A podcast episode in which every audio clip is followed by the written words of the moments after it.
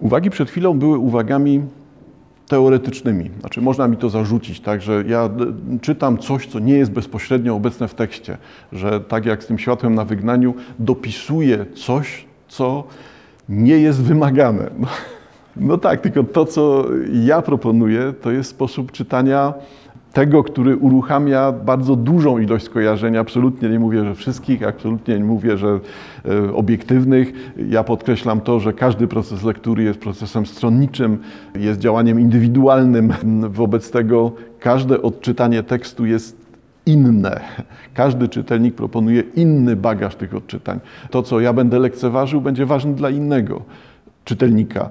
To jest dobre. Tutaj nie ma żadnych zarzutów to, co właśnie powiedziałem, jest cenną rzeczą w literaturze, że ona powoduje aktywność, że ona wytwarza, ponieważ to, co tutaj się dzieje, czyli zmienność światów, ilość światów i zmienność tych światów, ilość punktów widzenia, wielokrotność sensów, które się pojawiają, sensów na pierwszym planie, sensów ukrytych, sensów wewnętrznych, obecnych w tekście i sensów naddawanych przez czytelnika, e, to wszystko sprawia, że mówimy właśnie o czymś, czym jest dzieło sztuki.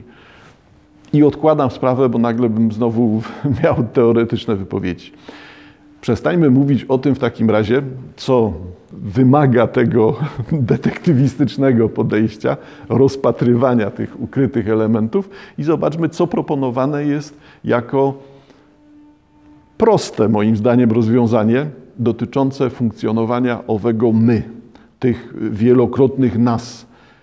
Ze znakiem zapytania, czy mówimy teraz o narratorze, wielokrotnym narratorze, grupowym w tym sensie, czy rozmawiamy o utożsamieniu czytelnika z narratorem prowadzącym e, go za rękę. No, sięgamy dalej do powieści. Zauważcie Państwo, że znowu już nie będę się do tego odnosił później, realizuje ten sam model, czyli wszystkie uwagi, które teraz się będą pojawiały, pojawiają się przyrostowo, spiralnie. One nie są wybierane i układane z tekstu, tylko ujawniają się, są tymi elementami dokładanymi, elementami, które są ułożone w pewnym ciągu i ten ciąg ma oddziaływać na czytelnika, czy też ten ciąg, tym, za tym ciągiem ma czytelnik podążać. Rozmowa postaci. Wojnisz rozmawia z Tilo. Dzieje się coś dziwnego. Tilo wrócił do poprzedniego tematu. Jakaś siła powoduje, że nie mam pojęcia, jak to wyrazić. Znajdują w lesie rozszarpane ciała. Kuzyni Opica. Oni wszyscy tutaj są kuzynami. Nazywają się Fischer, Tilch albo Opic. Skąd to wszystko wiesz? Widziałem tego zamordowanego w zeszłym roku jak przyniesiono jego ciało do wsi, w kawałkach. Wojnisz spojrzał na niego podejrzliwie. Ano tak, w kawałkach, powtórzył. Chyba nie wszystkie się odnalazły. Widziałeś ciało? Nieśli je nad ranem w kocu do wsi. Nie uwierzył Tilowi. Czuł pewien niesmak, zmęczenie i rozczarowanie, bo wydawało mu się, że jak szarpane ciała, zamordowany w zeszłym roku, przyniesiono jego ciało do wsi w kawałkach, czyli tajemnicą fabularną, tą horrorową tajemnicą, no może też i przyrodoleczniczą, zaraz się okaże, no tą horrorową tajemnicą jest tutaj pojawiający się co roku, pojawiający się w tej samej chwili, o tym samym czasie mord. Mord wykonywany na młodym mężczyźnie i zaczyna coś tutaj za, oddziaływać, coś tu zaczyna się splatać w tej naszej opowieści. I sięgamy w takim razie dalej do tekstu. W czasie jednej z wycieczek po okolicy uczestnicy odkrywają czy spotykają inne osoby. Wstępem do tego jest rozmowa o modliszkach. Zadowolony z siebie August wyjaśnił mu pokrótce, że Gerbersdorf jest najbardziej na północ wysuniętym miejscem w tej części Europy, gdzie pojawiają się modliszki. A to z racji ukształtowania terenu, temperatury i braku wiatru. Zaczął teraz rysować na piasku mapę Europy bambusową laseczką, za którą Wojnicz, prawdę mówiąc, nie podążał. Proszę spojrzeć, jak długą drogę muszą pokonać te biedne stworzenia aż z basenu Morza Śródziemnego. To stamtąd wszystko do nas przychodzi, mój drogi, zarówno to, co piękne, jak i to, co brzydkie. Uśmiechnął się wymownie. Wkrótce wstali i ruszyli w stronę Kurhausu, mijając Frau Weber i Frau Brecht, które siedziały przed domem, tym razem z założonymi rękami, jakby grzały się w ostatnich promieniach słońca. Wojnicz zauważył, że jedna miała bardzo spuchnięte nogi, wciśnięte w specjalnie szyte, dość niechlujne obuwie, druga zaś była tak brzydka, że aż fascynująca. Jej wywinięta dolna warga upodobniała ją do jakiejś starożytnej rzeźby, która przedstawia stworzenie rodem z Hadesu. August, widząc, że Wojnicz im się przygląda, dodał ściszonym głosem: Podobno jest i trzecia, ale ta nie wychodzi na zewnątrz i właściwie od lat nikt jej nie widział. Wojnicz spojrzał na niego z niedowierzaniem, a ten puścił do niego oko. Przez cały spacer August raczył Mieczysława swoimi przemyśleniami, które przybierały formę perypatetycznych rozmów, jak określił je August, choć właściwie mówił on sam, więc wyglądało to raczej na wykłady. Wojnicz nie przeczył, że były bardzo ciekawe, nie mógł się jednak na nich skupić, ponieważ zachładnie obserwował mijających go kuracjuszy, szczególnie damy, pięknie ubrane i obłędnie ukapeluszowione. Co się dzieje tutaj? Z jednej strony widzimy takie narracyjne znowu ukłony, ukłony w stronę czytelnika, przymrużenia oka, są tutaj narracyjnie wprowadzone przymrużenia oka, że z basenu Morza Śródziemnego pochodzi wszystko, e, przychodzi do nas wszystko, zarówno to, co piękne, jak i to, co brzydkie. Jakby jednocześnie była mowa o modzie, Tutaj jest mowa o, o, zwierzętach, tak? ale o modzie, o wartościach, o filozofii, o religii, w tym kontekście i dobrym, i brzydkim. Nas interesują te wprowadzone kobiety, dwie obecne, a podobno jest i trzecia. E, kobiety, które, zauważcie Państwo, są wyraźnie brzydkie i też przychodzą do nas z basenu Morza Śródziemnego, czyli mamy stare, brzydkie kobiety, brzydkie kobiety połączone z dziejami, historią, kulturą antyczną, no to grecką. I zaczyna się coś dziać. Czy te trzy, no de facto siedzą dwie, ale mowa jest o tym, że jest i trzecia czy te trzy kobiety to są tylko stare kobiety, czy też mamy do czynienia z powrotem do kolejnego, sięgnięciem, powrotem, aktywacją kolejnych literackich kojarzeń, ponieważ wiedźmy zwykle ujawniają się trzyosobowo. Jak Macbeta sobie przypomnimy chociażby, no to zawsze trójka wiedźm, albo jedna, albo trzy.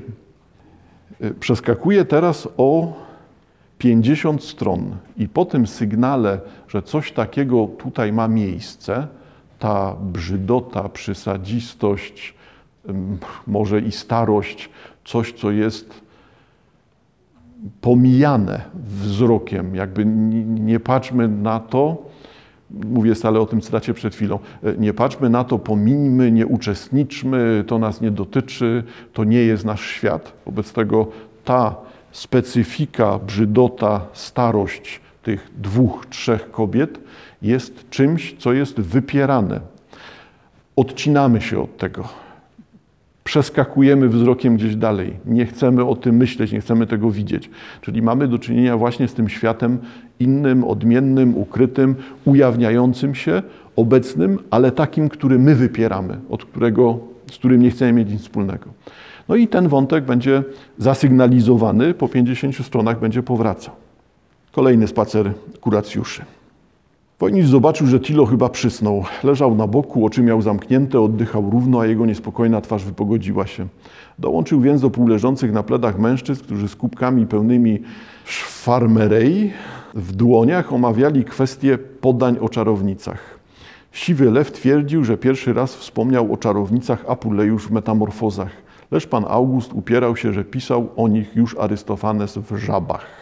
Batrachoi powiedział, popisując się swoją greką, to znaczy żaby, z akcentem na ostatnią sylabę. Jest tam taka rozmowa, kiedy Dionizos z Ksantiaszem po przebyciu jeziora Acheruzja znajdują się na pustkowiu i widzą coś dziwnego. Wojnicz popatrzył na niego z nagłą ciekawością. I teraz, jeżeli pamiętacie Państwo te uwagi, które dotyczyły wcześniej Wojnicza, no to widzicie Państwo, w jaki sposób one są aktywowane, czy w jaki sposób ta nasza wyobraźnia, uruchamiana przez tekst, zdobywa kolejne pożywienie, czyli które elementy układają nam się w głowach w wizerunki postaci. Wojnicz popatrzył na niego z nagłą ciekawością. Pan August, zdejmując swój nieco podniszczony wełniany surducik, wstał i przez chwilę poruszając wargami, jakby powtarzał sobie jakąś dawną lekcję, zaczął recytować. Robił to doskonale, zmieniając głos, tak by przybierał inny ton dla każdego z uczestników tego dialogu. Nie, nie będę tego robił, to wymaga umiejętności aktorskich, ja jestem tylko czytelnikiem. Ksantiasz mówi: Na Zeusa właśnie słyszę jakiś hałas. Dionizos, gdzie, z której strony? Pan August przyłożył doń do ucha. Ksantiasz, z tyłu.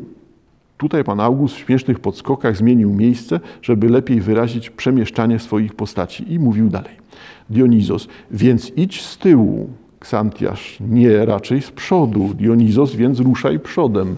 Nagle twarz pana Augusta zmieniła się, usta wykrzywiły w grymasie strachu, oczy zrobiły się okrągłe, a policzki zaczęły drżeć. Ksantiasz, o, właśnie widzę ogromnego stwora. Dionizos, jaki on? Ksantiasz, straszny i ciągle się zmienia. Był byk, muł potem, a teraz kobieta i to prześliczna. Dionizos, gdzie jest? Pędzę do niej. Ksantiasz, nie ma kobiety, w psa się przemieniła. Dionizos, więc to empuza. Ksantiasz, czystym ogniem płonie całe oblicze. Dionizos, ma spiżową nogę? Ksantiasz, na Posejdona, a drugą znów z łajna, na pewno. Dionizos, dokąd uciec? Ksantiasz, a ja dokąd? Pan August umilkł i ukłonił się skromnie, czym dał do zrozumienia, że to koniec spontanicznego występu. Tak, czyli z jednej strony mamy moment ujawnienia się motywacji tytułu, ten empuzjon, o którym mówimy, no to nic innego jak miejsce, w którym żyją, uaktywniają się, obecne są empuzy. I ja wolałbym konsekwentnie raczej czytać te empuzy w kontekście tych skojarzeń, o których wspomniałem do tej pory, czyli właśnie w kontekście wiedźm.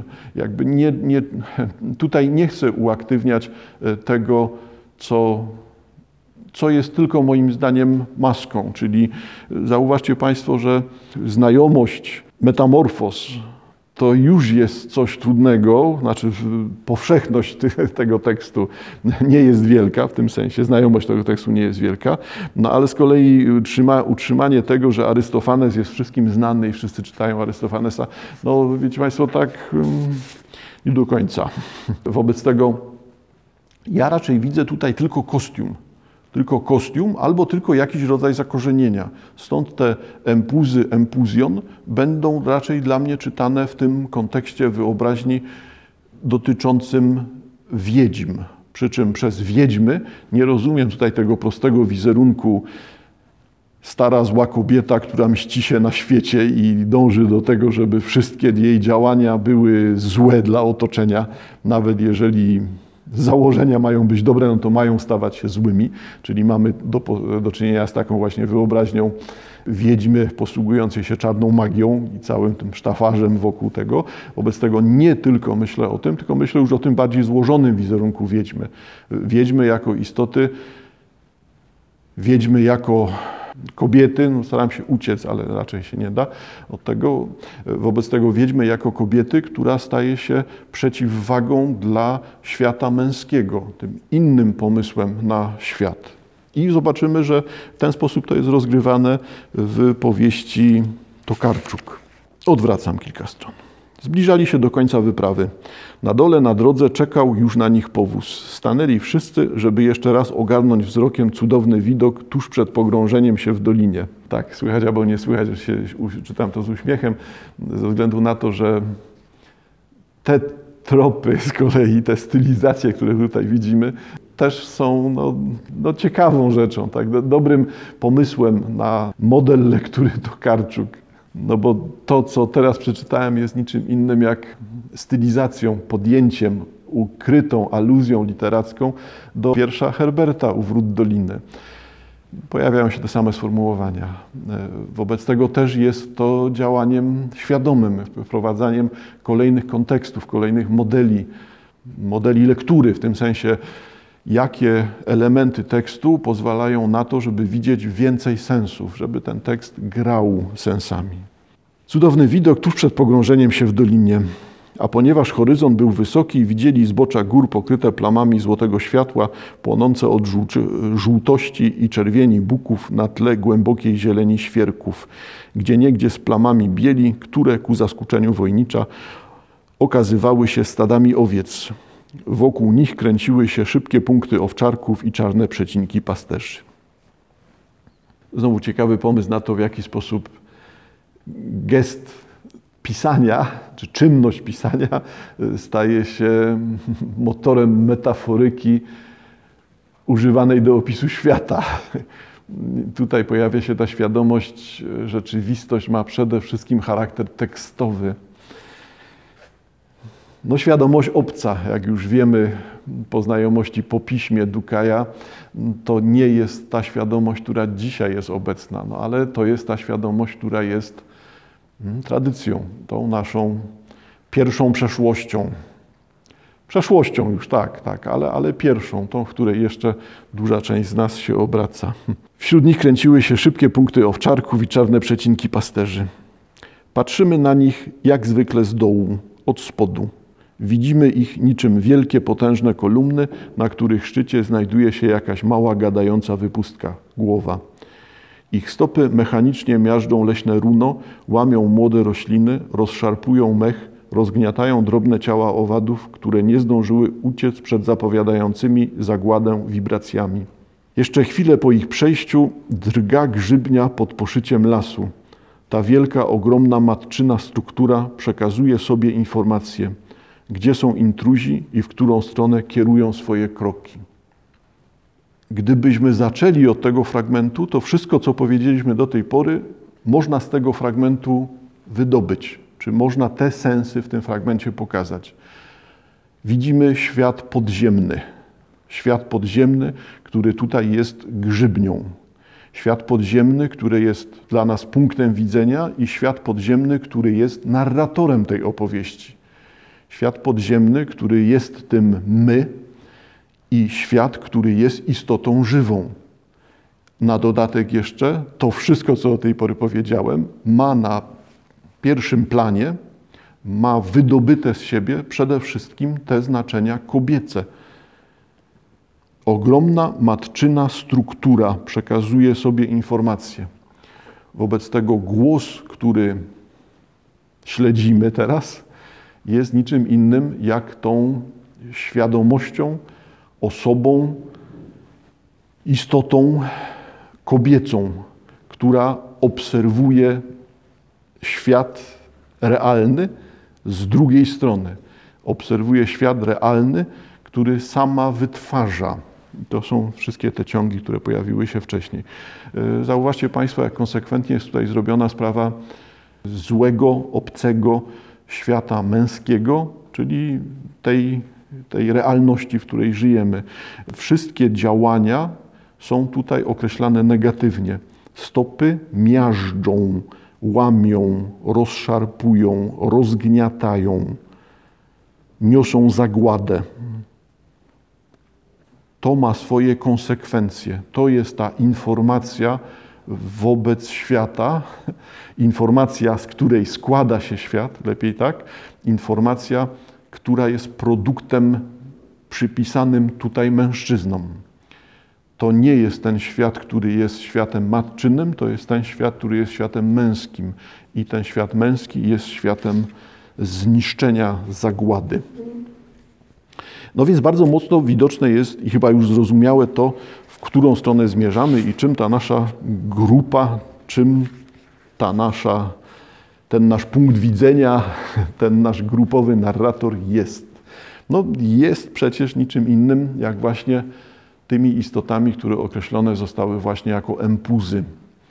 Empuzy, istoty wymykające się logicznemu rozpoznaniu, istoty, których cechą jest zmienność, istoty, których cechą jest bycie poza prostymi kategoriami przypisanymi realności, czyli to są istoty materialne, ale niematerialne, niematerialne, bo materialne, istoty, które są zwierzęce, ludzkie, istoty, które są przedmiotem i istoty, które są żywym organizmem, istoty, które są pięknem i istoty, które są wstrętem, ohydą. Wszystkie te rzeczy składają się tutaj na to, co jest przeciw światu męskiemu.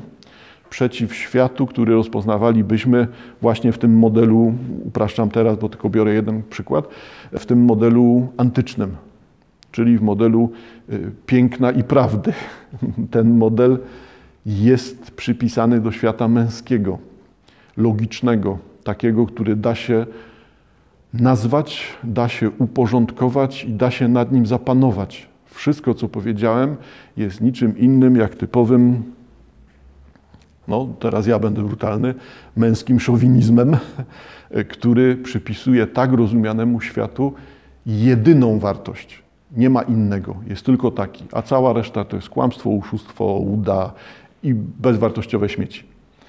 No jest niestety utożsamienie piękna i prawdy umarło dawno temu. Nie precyzuję teraz, co to jest dawno, bo równie dobrze mogę powiedzieć w XX wieku, w XIX wieku, jak i wskazać na XVII wiek, jak i na XVI wiek. Teraz myślę, gdzie pojawiają się takie wypowiedzi w kulturze, wypowiedzi rozumiane jako teksty, jako obrazy, e, które łamią tą zasadę. No bez tego ona jest od zawsze. Tak? No średniowiecze też jest oparte na łamaniu tej zasady, a nie na wierności tej zasadzie. Wobec tego, jak widać, tego typu no, pozornie nie, nieznaczące rzeczy no, są jednak komentarzem. I to jest znowu to, co u Tokarczuk jest widoczne.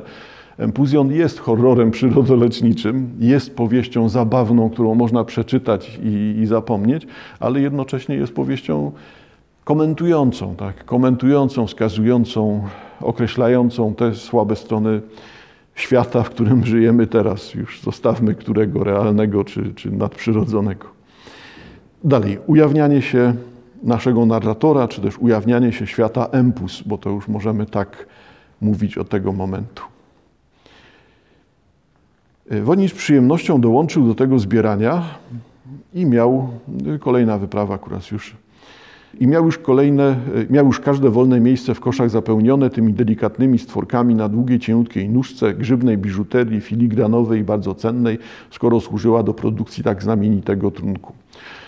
Jednym z wątków, który tutaj się pojawia, muszę skomentować od razu, jest raczenie się przez kuracjuszy miejscową nalewką. Sądząc z tego, o czym tutaj jest mowa, no to poza spirytusem z ziołami, który występuje w tej nalewce, pojawiają się tutaj e, specyficzne odmiany grzybów służące do produkcji tej nalewki.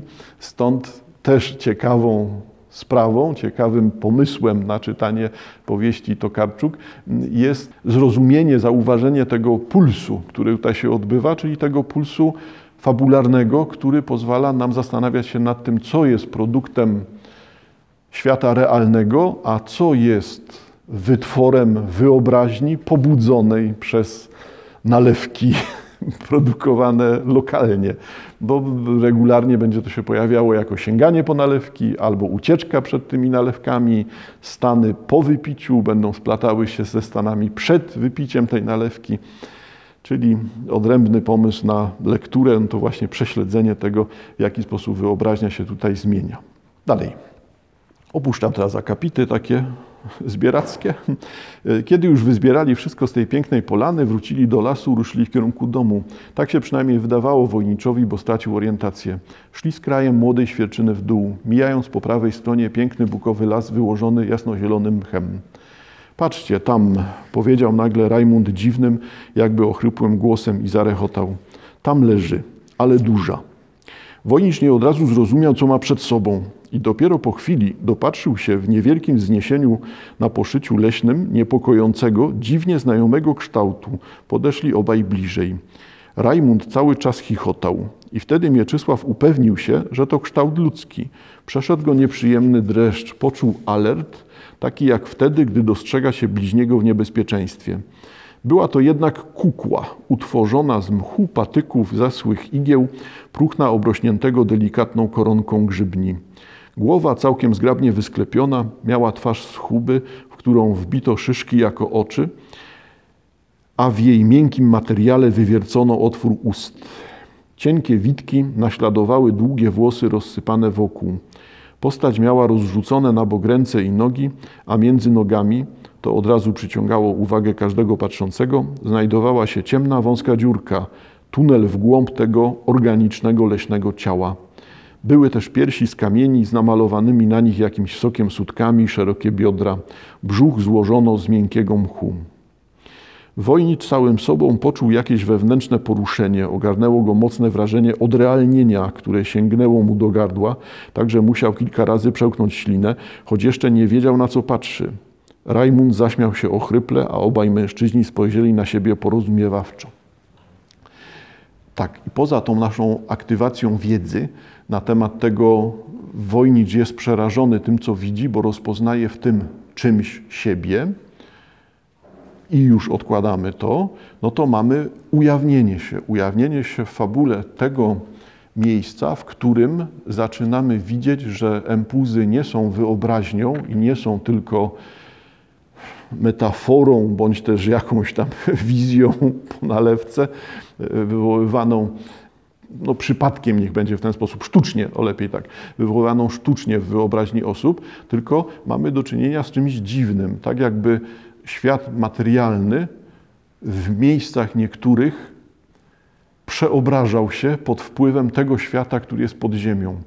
Jakby produktem tego świata podziemnego, obcego, innej rzeczywistości było ujawnianie się tej rzeczywistości w taki sposób, który przeobraża świat materialny.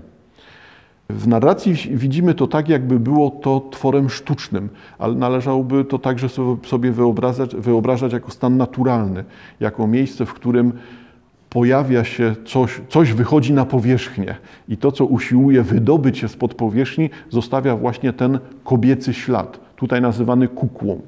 Oczywiście, że fabularnie nie wszystko to jest jasne, ponieważ pierwszą, pierwszy komentarz, który tutaj się pojawia, jest komentarzem męskim, logicznym, racjonalistycznym.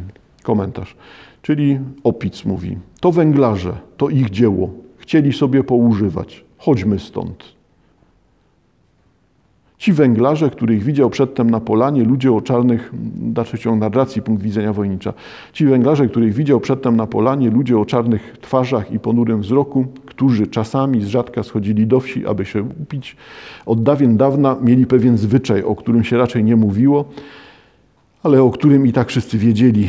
Przyjeżdżali do pracy na cały sezon z daleka, pozbawieni przez długi czas kobiet, a wielu z nich było nieżonatych, po męczących okresach abstynencji robili sobie takie leżące pupen, lale, żeby sobie ulżyć.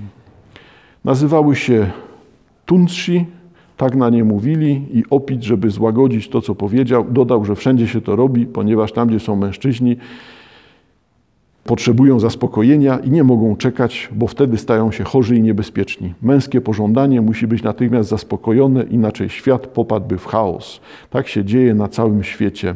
Ponieważ pożądanie mężczyzn jest tak silne, że może ich zniszczyć, muszą mieć coś, co służy uldze. Powinno to być dla każdego zrozumiałe i niejako normalne. Czyli teraz zauważcie Państwo od końca ten fragment. Czyli mamy do czynienia z podejściem męskim, jednoznacznie męskim, podejściem znowu mizoginistycznym i, i docieramy do świata, który jest światem, mm, odkrywamy świat, który jest światem uporządkowanym. Po prostu jest to rodzaj e, lalki erotycznej, służącej do mm, samozaspokajania się mężczyzn. Tylko, gdy nie poprzestawajmy na tym, zobaczmy, że to nie jest takie proste. Już mniejsza o realność czy praktyczność takich pomysłów. E, bardziej chodzi o to, że jest to próba narzucenia czegoś, próba narzucenia komentarza, próba pokazania, w jaki sposób siła męskiego punktu widzenia, siła e, realności, logiki świata fizycznego sprawia, że rzeczy, które są rzeczy, zjawiska, przedmioty, czynności, wszystko to rozumiem pod tymi rzeczami, są oswajane.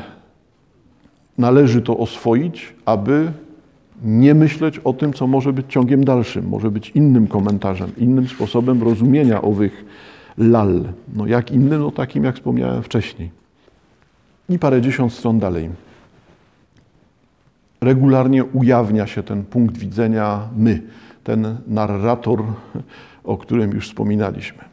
Na razie czujemy zapachy ich, ich ciał, które e, ze swetrów unoszą się do góry, łączą ze sobą. Każdy jest inny. Fromer wydziera zapach kurzu, lekko piżmowy, papierowy, suchy, jakby szeleszczący, woń starej, przesuszonej skóry sfatygowanego portfela. Lukas pachnie ostro, to odór strachu, gotowości do walki, niewidzialna aureola niespełnionego wojownika, który utraciwszy fizyczną siłę, bierze udział w wojnie z dystansu, wykrzykując komendy, komentując posunięcia strategów. Zapach Augusta jest zupełnie inny. Rozsiewa organiczne opary nieświeżej materii, którą za chwilę zaczną nadgryzać procesy gnilne, rozkład cząstek ciała. Otacza go kwaśno mleczna, spiżarnia, spiżarniana woń zapomnianych zapasów żywności, woń, nad którą traci się już kontrolę, ale jeszcze się ją tłumi wodą kolońską, wykwitnym mydłem do golenia. Opica zaś spowiła chmura karbidu, to zapach, od którego zgrzytają zęby, a w ustach przybywa śliny. Nic się spod niego nie przedostanie. Za to wojnicz rozpiera się, na swoim, rozpiera się swoim zapachem, choć o tym nie wie. Spycha gdzieś w tło wszystkie inne wonie, dominuje nad nimi, choć ten, który ów zapach wydziela, czuje się zagubiony i niepewny siebie. Jego feromony są jakby elektrycznie naładowane, przemożne, podobne do zapachu sierści lisa albo uciekającego przed myśliwymi koziołka. Ujawnia się my, ujawnia się ten punkt widzenia empus, ujawnia się to, że empuzy działają, nazywają, tworzą ten świat, świat słów, w którym się obracamy. I zauważcie Państwo też, że jest to rzeczywiście świat męski. Tutaj nie ma innych określeń. E, charakterystyka zapachów poszczególnych mężczyzn jest przecież charakterystyką dalej podkreślającą męskość, ową wojowniczość, panowanie, nawet jeżeli strach i ucieczkę wojnicza, który jest tutaj tą odrębną postacią, no to dalej konsekwentnie jednak mowa jest o tym poprzez negację negację tego męskiego punktu widzenia. Empuzy są tymi istotami, które w tym wątku horrorowo-przyrodoleczniczym u Tokarczuk y, są tymi, które chcą się zemścić, które zdobywają panowanie nad światem. Y, w fabule pojawiają się uwagi pozwalające nam rekonstruować te rekonstruować dzieje wcześniejsze owych empus. Z tego naszego punktu widzenia, czyli znowu racjonalizujemy, wpisujemy logikę i układamy coś w zrozumiały ciąg. Mamy tutaj do czynienia z kobietami, które zostały oskarżone w czasie wojen katolicko-protestanckich, oskarżone o bycie czarownicami. Część została skazana, części udało się uciec i ukryć w okolicznych lasach, z których to lasów nigdy nie wróciły.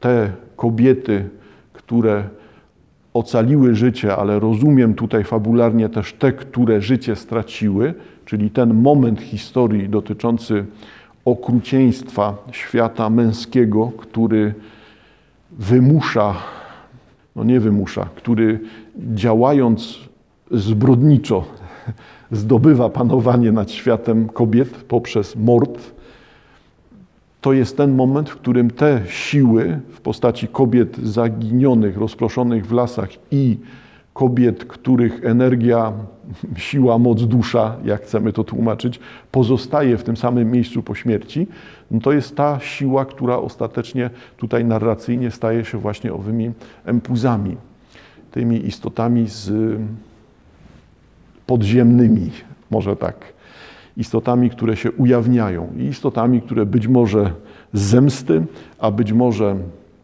z konieczności zdobywają się na to coroczne mordowanie młodych mężczyzn, nie kobiet właśnie, tylko mężczyzn.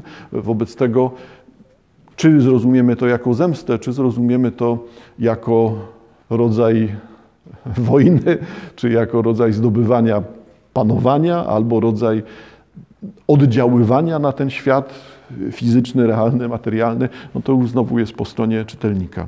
Wojnicz zostaje fabularnie porwany i zostawiony w lesie po to, żeby stał się pokarmem empus. No i mamy komentarz do tego właśnie momentu, czyli ujawnia się punkt widzenia empus, które odmawiają, odmawiają rozszarpania wojnicza, bo jak już wiemy, wojnicz nie jest tą istotą, którą da się łatwo przypisać do płci, więc jakby nie jest materiałem, nie jest materiałem, nie jest materiałem dobrze na ofiarę, którą e, chcą złożyć albo którą chcą pożreć empuzy. Cytat. Wnikamy wzrokiem w głąb. Widzimy jego szkielet, bijące serce, robaczkowy ruch jelit, pracujący ciągle przełyk, który usiłuje zgromadzoną ze strachu ślinę przepchnąć w dół. Widzimy język, który układa się do wypowiedzenia jakiegoś słowa. Przepona podnosi się i opada, z nerek do pęcherza spływają kropelki moczu. Macica kurczy się jak pięść, lecz członek nabiega krwią. I to jest ten moment, kiedy widzimy no, aktywność, tak? aktywność, siłę sprawczą.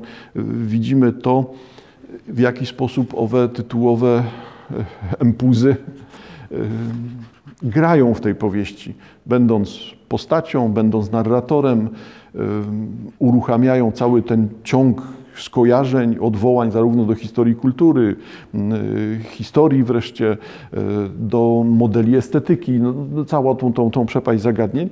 I tak to będzie konsekwentnie robione, ponieważ w epilogu widzimy po raz kolejny, ujawnia się ten punkt widzenia empus naszego narratora, który staje się komentarzem do wszystkiego globalnie, co się wtedy rozgrywa. Więc nie do tego Bezdorfu samego, nie do jednego miejsca dla kuracjuszy, e, tylko jest komentarzem wyjaśniającym świat. Jesteśmy chwilę przed I wojną światową. Epilog. Nigdy już nie wydarzyło się nic podobnego do tego, o czym tu opowiedziałyśmy. Wojna zaspokoiła nasze apetyty. Gruźlica praktycznie przestała istnieć dzięki szczepionce BCG stosowanej od lat 20. XX wieku. Klara Opitz zamieszkała w Monachium, gdzie pracowała w szpitalnej kuchni i tak dalej. Czyli ujawnia się ten punkt widzenia empus, ten punkt widzenia właśnie postać, narrator, element świata przedstawionego, element świata sugerowanego, tego świata chtonicznego, o którym e, wspomniałem, widoczny właśnie w taki sposób. Nigdy już nie wydarzyło się nic podobnego do tego, o czym tu opowiedziałyśmy. Cała ta opowieść jest opowieścią empus. Cała ta opowieść jest owym ujawnianiem się, demonstracją, e, komentarzem dotyczącym wpływu na świat e, empus.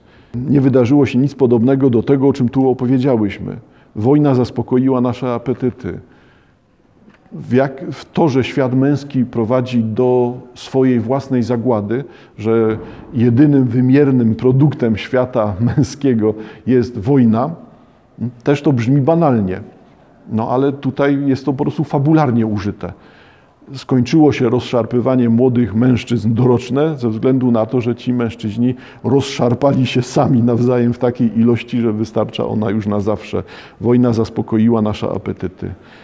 Gruźlica też nie, e, przestała być narzędziem, stała się czymś opanowanym, e, narzędziem zemsty w tym sensie, e, stała się czymś opanowanym w świecie.